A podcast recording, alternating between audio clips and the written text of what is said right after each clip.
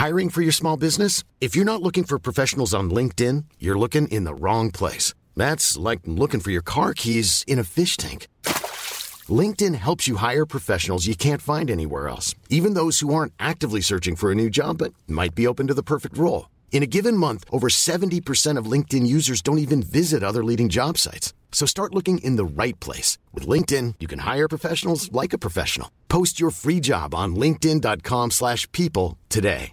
When you're ready to pop the question, the last thing you want to do is second guess the ring. At BlueNile.com, you can design a one-of-a-kind ring with the ease and convenience of shopping online. Choose your diamond and setting. When you find the one, you'll get it delivered right to your door. Go to Bluenile.com and use promo code LISTEN to get $50 off your purchase of $500 or more. That's code LISTEN at Bluenile.com for $50 off your purchase. Bluenile.com code LISTEN. Hold up. What was that? Boring. No flavor. That was as bad as those leftovers you ate all week. Keke Palmer here, and it's time to say hello to something fresh and guilt-free. Hello Fresh. Jazz up dinner with pecan-crusted chicken or garlic butter shrimp scampi. Now that's music to my mouth. Hello Fresh. Let's get this dinner party started. Discover all the delicious possibilities at hellofresh.com.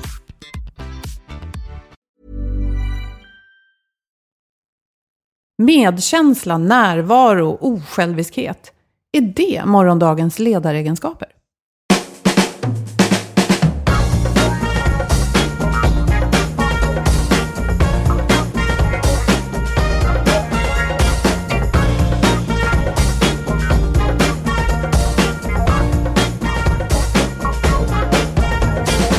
Välkomna till Health for Wealth, en podd om hälsa på jobbet. Vi är Ann-Sofie Forsmark, hälsomanagementkonsult och Boel Stier, copywriter och kommunikatör. Vårt motto är att hälsa och lönsamhet hör ihop. Om man satsar långsiktigt och hållbart. Men hur gör man för att lyckas? Det tar vi reda på i den här podden. hej och välkomna! Idag är det premiär för ett poddavsnitt med en engelsktalande gäst för vi ska prata med Rasmus Hogard från Potential Project och han är aktuell med boken The Mind of the Leader.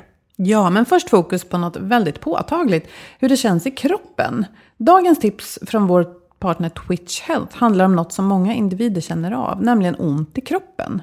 Ja, och fokus för debatten har den senaste året förstås mycket handlat om psykisk ohälsa, med all rätt, absolut. Men det är väldigt många som fortfarande känner smärta och trötthet i kroppen och ergonomi är faktiskt eh, en väldigt viktig fråga och just eh, smärta och trötthet är fortfarande ett stort problem orsak till sjukskrivning. Mm. Men faktum är att med rätt arbetssätt, arbetsredskap och rätt användning av dem kan belastningsskador i kroppen lindras och förebyggas, vilket gör att svåra och långvariga problem kan undvikas. Och Twitch Health synsätt på ergonomi är att det är avgörande är alltid hur varje individ beter sig. Till exempel ett höj och sänkbart skrivbord. Ja, det är ju jättebra, men man måste ju faktiskt använda det också. Ja, det är ju det. Och Twitch Health erbjuder en tids och kostnadseffektiv arbetsplatsscreening. Som framförallt fokuserar på hur var och en agerar och beter sig kring arbetsplatsen.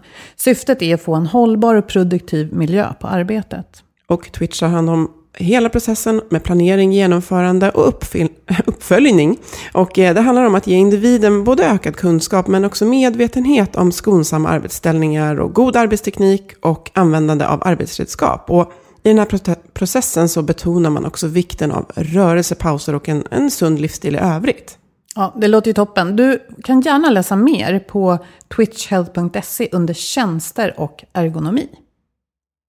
Och nu dags för intervjun med Rasmus. Let's welcome our guest with us online from Copenhagen. Welcome Rasmus Hogard. Thank you very much.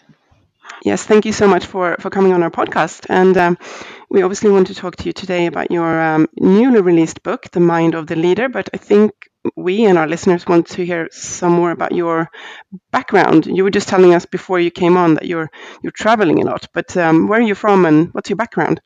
So I'm uh, originally from uh, Denmark, Copenhagen, uh, but live in New York nowadays.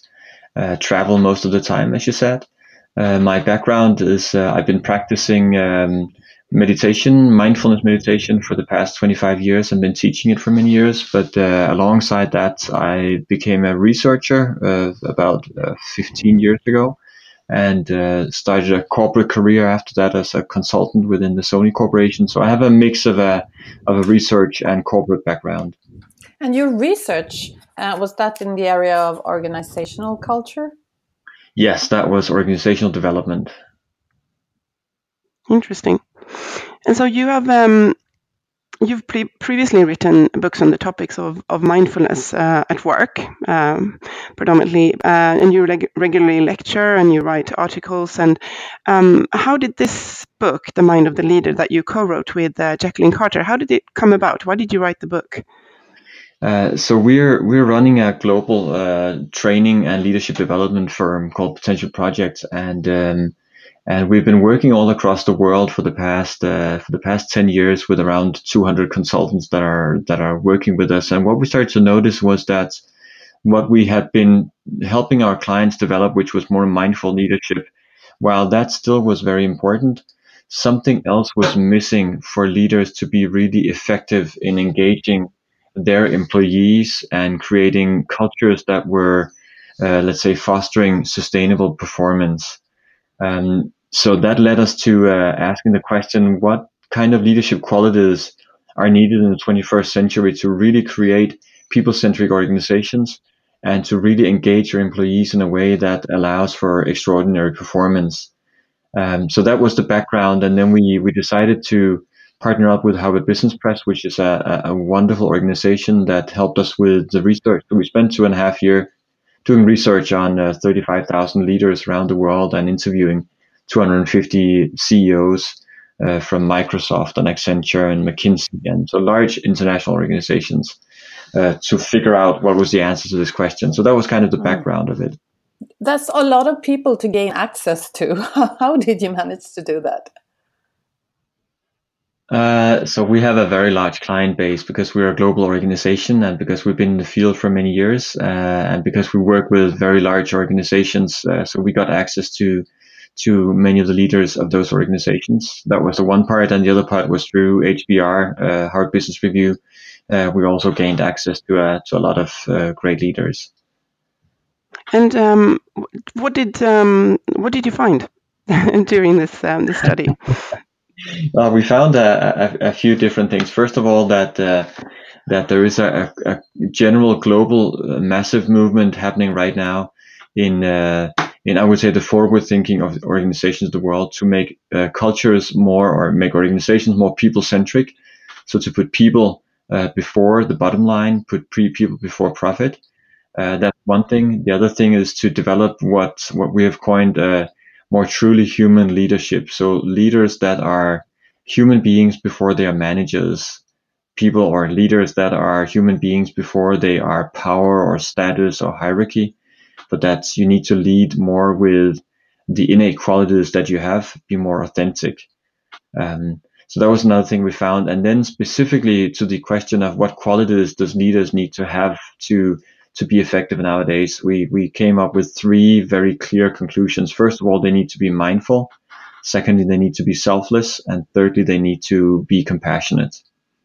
Yes, can you can you elaborate a little bit on on those three um, qualities because they sound uh, maybe they sound obvious to some people, but then um, you don't normally talk about them in a traditional leadership context. So, what is what is being a mindful and selfless and, and compassionate leader? How is that practiced during um, during work?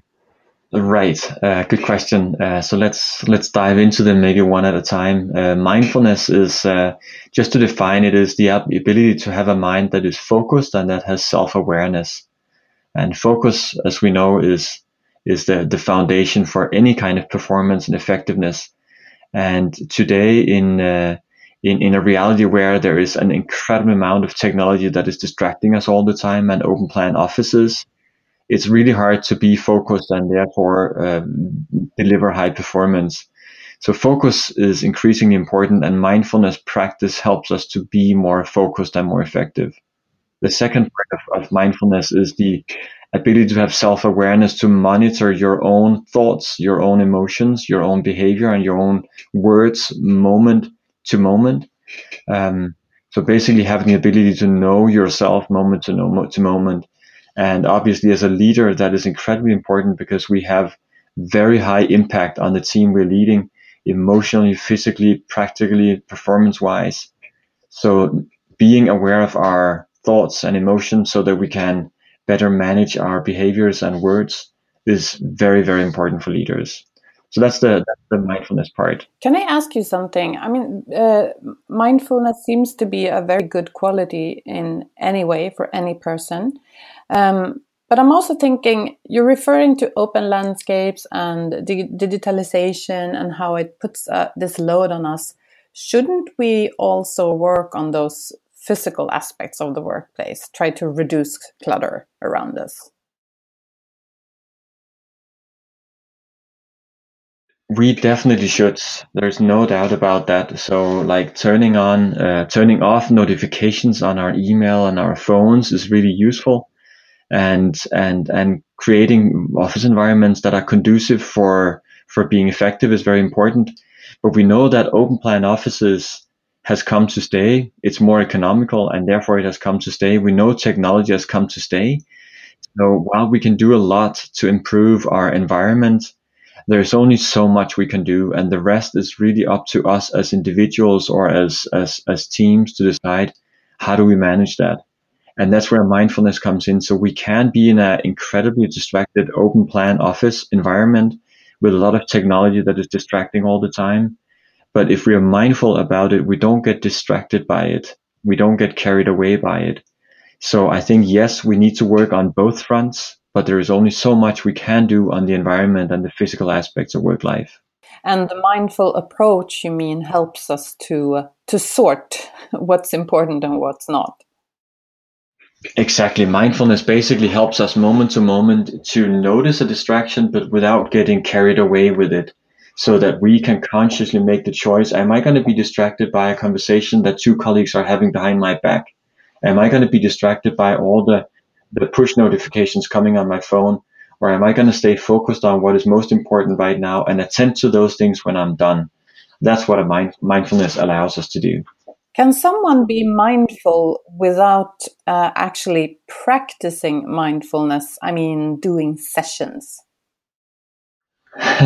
That's a great question. There are a lot of strategies and techniques that you can do to develop mindfulness without a mindfulness practice. But in the end, mindfulness is a bit of a muscle. It is basically something that is happening in the prefrontal cortex of our brain, just right behind our forehead. Um, that is a part of the brain that is managing our focus. And that one, according to research, can only be significantly strengthened through the actual practice of mindfulness. So sitting still, doing a specific exercise for 10 minutes every day. It's good. It's a. I mean, for for those who are convinced, it's a you know it's it's a powerful tool, and the way you describe it, it sounds essential for the for the both leadership and also uh, for anyone in in the kind of work environment that we experience today. And so the the second quality is is um, selflessness. And um, how would you describe that as a as an important leadership skill for for now and for the future? Yeah, so I'll just uh, take a bit of a detour to get to why it's so important. The the challenge with leadership is that with leadership comes power, and with power comes the psychological experience of I am important, and with that comes a natural growth of the ego. And I think uh, history has shown very clearly that leaders with big egos can make terrible, terrible mistakes uh, so selflessness is the opposite of having a big ego. And just a little bit on the science on ego that we found. So first of all, when you have a big ego, you're very vulnerable for criticism. You're basically like a, a, a big target that is ready to be criticized for almost anything. Um, secondly, if we are having a big ego, we are very vulnerable for being manipulated. I think there are, I mean, Trump right now is an amazing um, is an amazing uh, example of that. The example with having his meeting with uh, Kim Jong Un from from North Korea. He did not want to have a meeting with him, but then South Korea comes into his office and basically plays on his ego to make him accept a meeting with him. Uh, so when we have a big ego, we are very vulnerable for criticism. Uh, we're also becoming more rude, less considerate to others when we have a big ego, and we become very insular.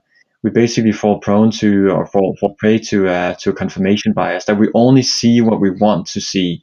We only hear what we want to hear. So we're basically not seeing reality as clearly when we have a big ego. So that's kind of the, uh, the, the psychological mechanism of leadership. We naturally develop more ego, which is a negative thing for leaders because we're less effective.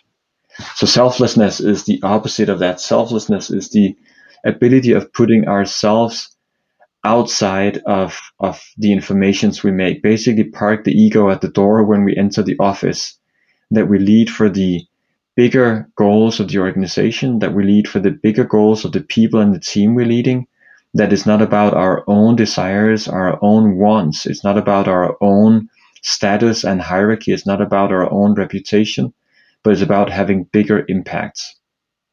So that's a, a short uh, explanation of selflessness. Okay. So would you say that um, traditional leadership practice or, or, traditional leadership training um, is is feeding the ego, or is yeah is that is that what you're saying? Uh, not necessarily. It's just a psychological thing that happens. Um, I won't say anything about leadership training per se because I don't think there's any any data that leadership training is is feeding the ego. But as an example, uh, when you become the CEO, mostly you get a corner office in the in the in the top floor of the building.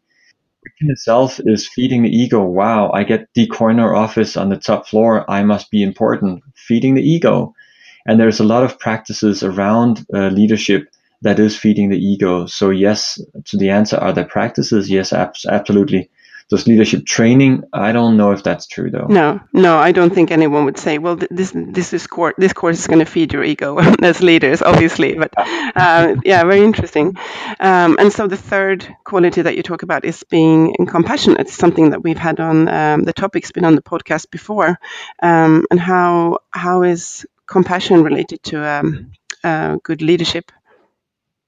Right. Compassion again is, is incredibly important for leadership. Again, if we look at the neurological side of leadership, uh, what research has found is that again, when we come into position of power, so with leadership, uh, a part of the brain that is uh, associated with our mirror neurons. So basically our ability to read and understand and empathize with other people has proven to diminish, basically decrease as we get into the position of power. And there are great examples of, and in our interviews, we also heard this again and again. Uh, a CEO of a large global uh, consumer goods company who basically said, when I stepped into the CEO role 15 years ago, I was known to be a very empathetic guy, always understanding and, and looking out for people. And I have lost that those were his words. I have lost the ability to notice how other people are feeling and t- taking care of that. So, so, so that is a bit of a problem neurologically. We're simply losing our ability to connect with other people when we step into leadership roles. And we know at the same time that if we as employees, employees, the leaders that we really look up to, the leaders that we want to follow, the leaders that we want to be loyal to, committed to, are the ones that have our back. And compassion is basically having the intention to take care of others, to have, you know, see others successful and happy. So if we as leaders develop the ability to have compassion, we are countering that natural tendency of losing our compassion, losing our empathy in leadership. And we give our people the clear experience that we've got their back. You know, you may make a mistake, you may fail, but I've got your back.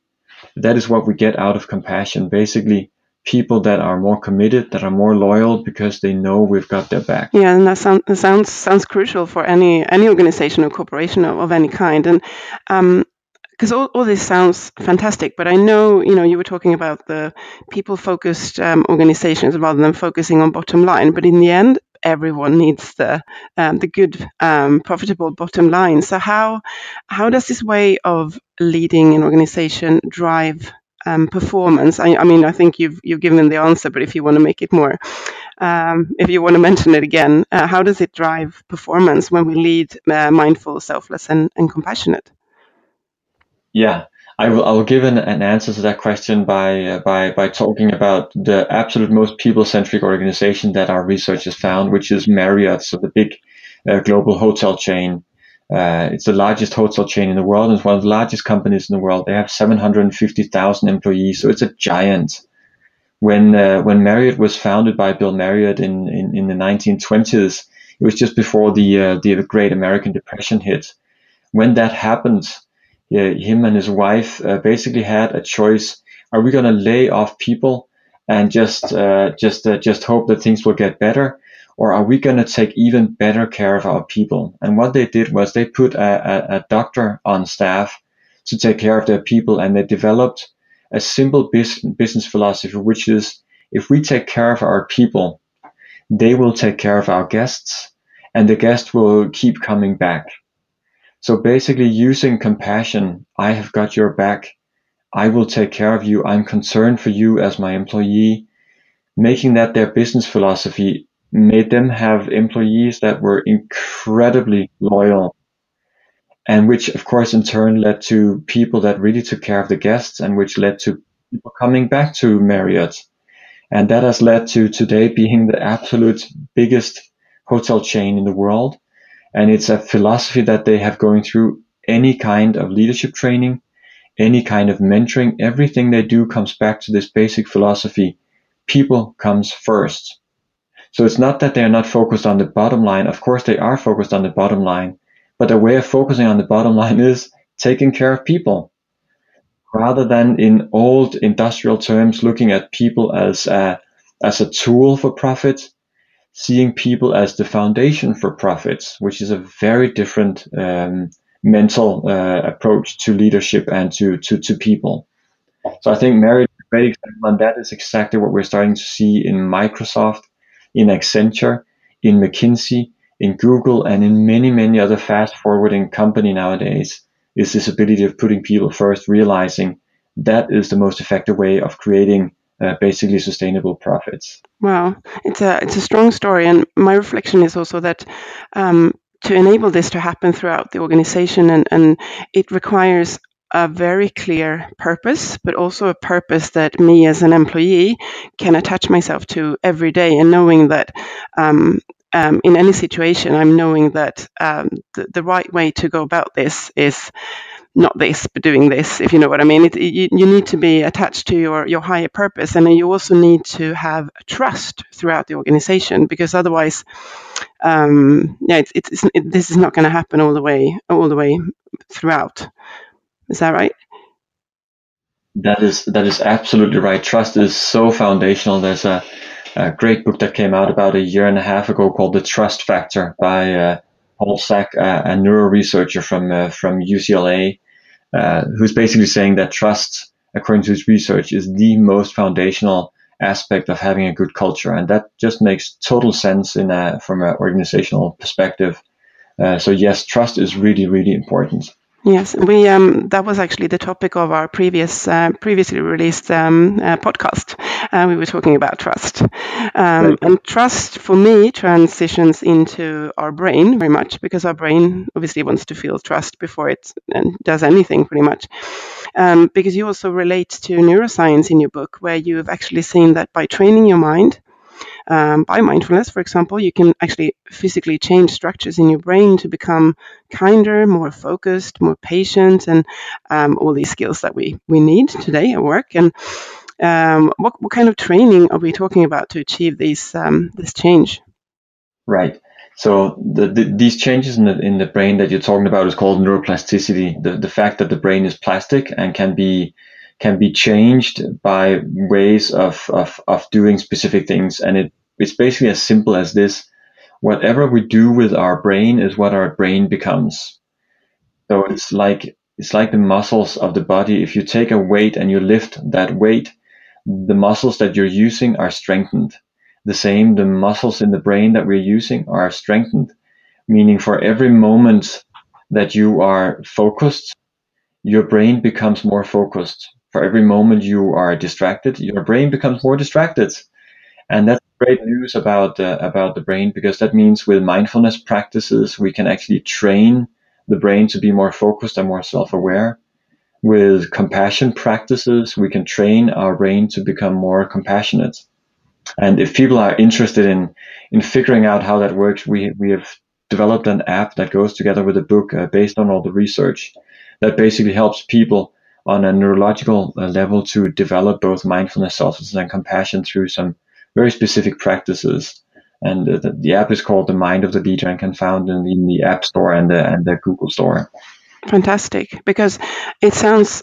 I, I, can imagine for myself as well. It sounds it sounds like slightly daunting if you um, you go through your morning routines and you feel stressed and you go, oh my god, I'm, I'm affecting my brain. I'm becoming stressed. But um, I guess you want to focus on the positive aspects that we actually can practice this um, where we are. I mean, at work and on our way to work and and outside. Is that right? Absolutely, absolutely, and it's it's so possible. So yes, we gotta we gotta look at the at the positive side. Yeah. Mm. That's good. Yeah, we want to be positive. um, I also want to finish off by talking to you about the, the acronym PAID, which I, I personally use a lot, and we also had listeners responding to that they liked uh, that saying. And um, it, it, was obviously, not obviously, but it stands for uh, pressure, always on, information overload, and, and distractions. And um, how did you come up with this, and what does it actually stand for? Right. So this was uh, this was part of our earlier works back uh, seven years ago when we did our first research into into mindfulness and how that was important in organizations. And we basically started to ask our clients around the globe, and we worked with around 500 large international organizations and asked why they engaged in mindfulness practices. And their answers were very, very uh, similar uh, and led us to this PAID acronym everyone said that our people and leaders are under pressure. They're always on. They're information overloaded and their work environments are heavily distracted. So this PAID reality, the, the, the, the challenge about the PAID reality is that it's a severe attack on our attention. And because it's attacking our attention, people in organizations, according to research, has proven to lose ability to pay attention. So basically our ability to be focused today is significantly smaller than it was 20 years ago in organizations on average. We're basically in what could be called an attention economy today. Uh, we used to measure productivity in how skill, how many skills we had and how much time we had to do the, the job we had to do. But today, because we're simply losing our ability to be focused, attention is becoming increasingly important and, and equally important as to time and and uh, skills in terms of being productive.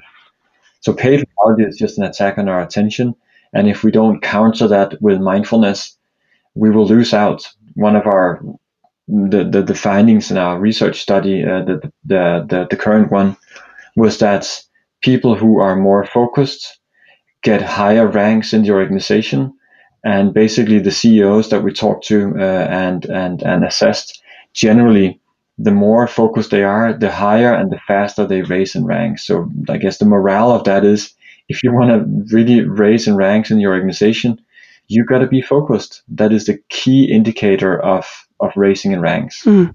I, I, think this also feeds straight into what you were saying about the, the plasticity of the brain. If we're constantly feeling distracted, under pressure, and, and we're, we're always on, but we tend to be on to very, we're multitasking pretty much.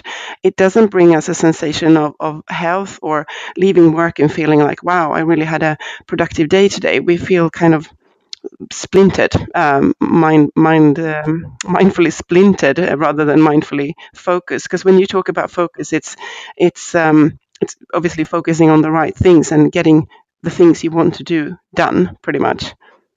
Right. Yes. Exactly. That is what it is. Well, um, I I, want to ask you one more thing that um, we, we also want to bring up uh, in regards to compassion, because uh, we've read an article in, in, in Swedish about a very important distinction between two words that um, we translate as empathy on the one hand and compassion on the other. And um, the article said that empathy makes, makes us feel the same feelings as the person we relate to, and therefore sometimes prevents us from um, going into a solution orientated focus. Um, and compassion is more described as an understanding of the other person's feeling, and then, wow, what are we going to do? You know, what are we going to do about this? How would you? How do you um, think about this this distinction between empathy and and compassion? I would say whoever wrote that article was definitely right, and this is a bit of a bit of a, a news to the, the, the world of both neurology but also leadership. Um, yes, it is true. When we empathize with others, we feel what they feel. When we have compassion for others, there is an instant of just feeling, wow, that person is in trouble. And then that moves into compassion, which is then and solutions, as you say, solutions oriented action. What can I do to support this person? Should I mentor? Should I coach? Should I just simply do stuff for that person? So that is a big difference between empathy and compassion. Empathy is, uh, is, is, is basically bringing us down while compassion is bringing us up. It is energizing. This is according to neuro research anyway. Uh, and empathy has specifically uh, proven to be quite detrimental in leadership. I'm not saying that leaders shouldn't have empathy because that is important to be able to read and understand how your employees are doing or clients for that matter. But if you get stuck in just empathy, there are a few dangers of empathy. First one is it is leading to burnout. There's a significant raise in leadership burnout because leaders nowadays have been taught that they should empathize more with people meaning they take on all the crap and, and, and, and suffering of people making themselves burn out. This is especially the case for doctors in, in, in across the world. But another challenge of, of empathy is that it actually makes us biased. Empathy, we empathize more naturally with the people that look like ourselves, that talk like ourselves, that have the same background as ourselves. And in times where we know diversity and inclusion is incredibly important for performance and health of an organization, empathy basically makes leaders be more biased and less diverse and inclusive. Uh, also, it has been found that empathy leads to very fleeting action. So when we empathize with an employee that has a challenge, empathy basically makes us do something quick, like try to do a quick fix, but the day after we've forgotten about it. So empathy, very important, but only as a spark that then catapults compassion, which means driving action rather than just going down in the same rabbit hole as the one that's got the, the problems. Mm, that's a good metaphor. You can, um, empathy is your normal kind of initial response, but then you need to move into more compassionate mindset in order to make sure to alleviate whatever uh, problem is is um, is at the root of the empathy.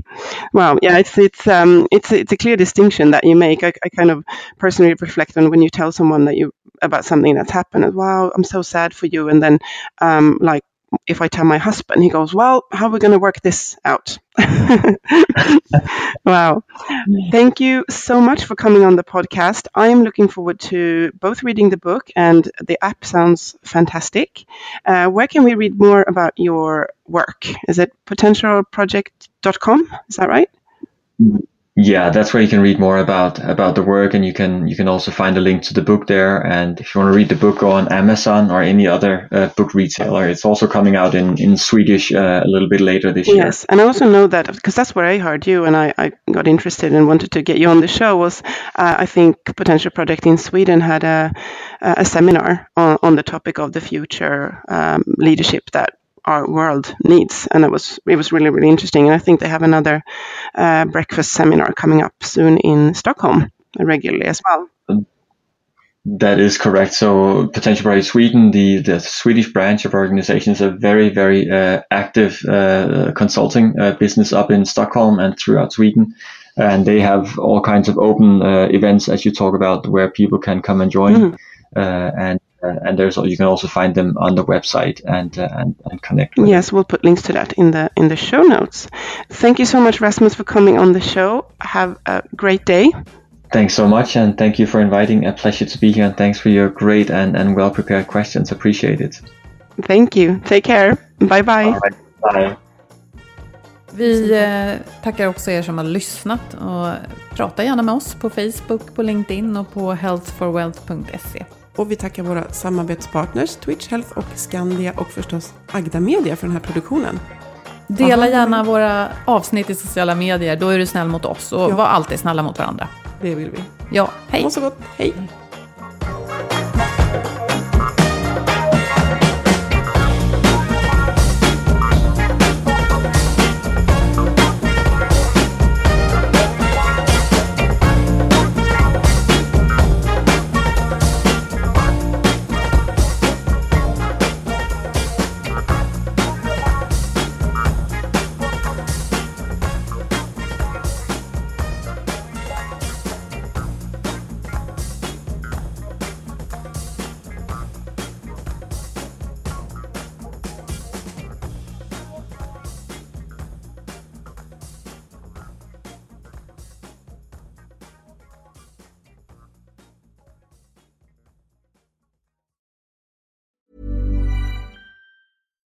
Deserves the best, and there's no better place to shop for Mother's Day than Whole Foods Market. They're your destination for unbeatable savings, from premium gifts to show-stopping flowers and irresistible desserts. Start by saving 33% with Prime on all body care and candles. Then get a 15-stem bunch of tulips for just $9.99 each with Prime. Round out Mom's menu with festive rosé, irresistible berry chantilly cake, and more special treats. Come celebrate Mother's Day at Whole Foods Market. Hey, it's Danny Pellegrino from Everything Iconic. Ready to upgrade your style game without blowing your budget? Check out Quince. They've got all the good stuff shirts and polos, activewear, and fine leather goods, all at 50 to 80% less than other high end brands. And the best part? They're all about safe, ethical, and responsible manufacturing. Get that luxury vibe without the luxury price tag. Hit up quince.com slash upgrade for free shipping and 365 day returns on your next order. That's quince.com slash upgrade. Ever catch yourself eating the same flavorless dinner three days in a row? Dreaming of something better? Well, hello fresh is your guilt free dream come true, baby. It's me, Keke Palmer. Let's wake up those taste buds with hot, juicy pecan crusted chicken or garlic butter shrimp scampi. Mm. Hello Fresh. Stop dreaming of all the delicious possibilities and dig in at HelloFresh.com. Let's get this dinner party started.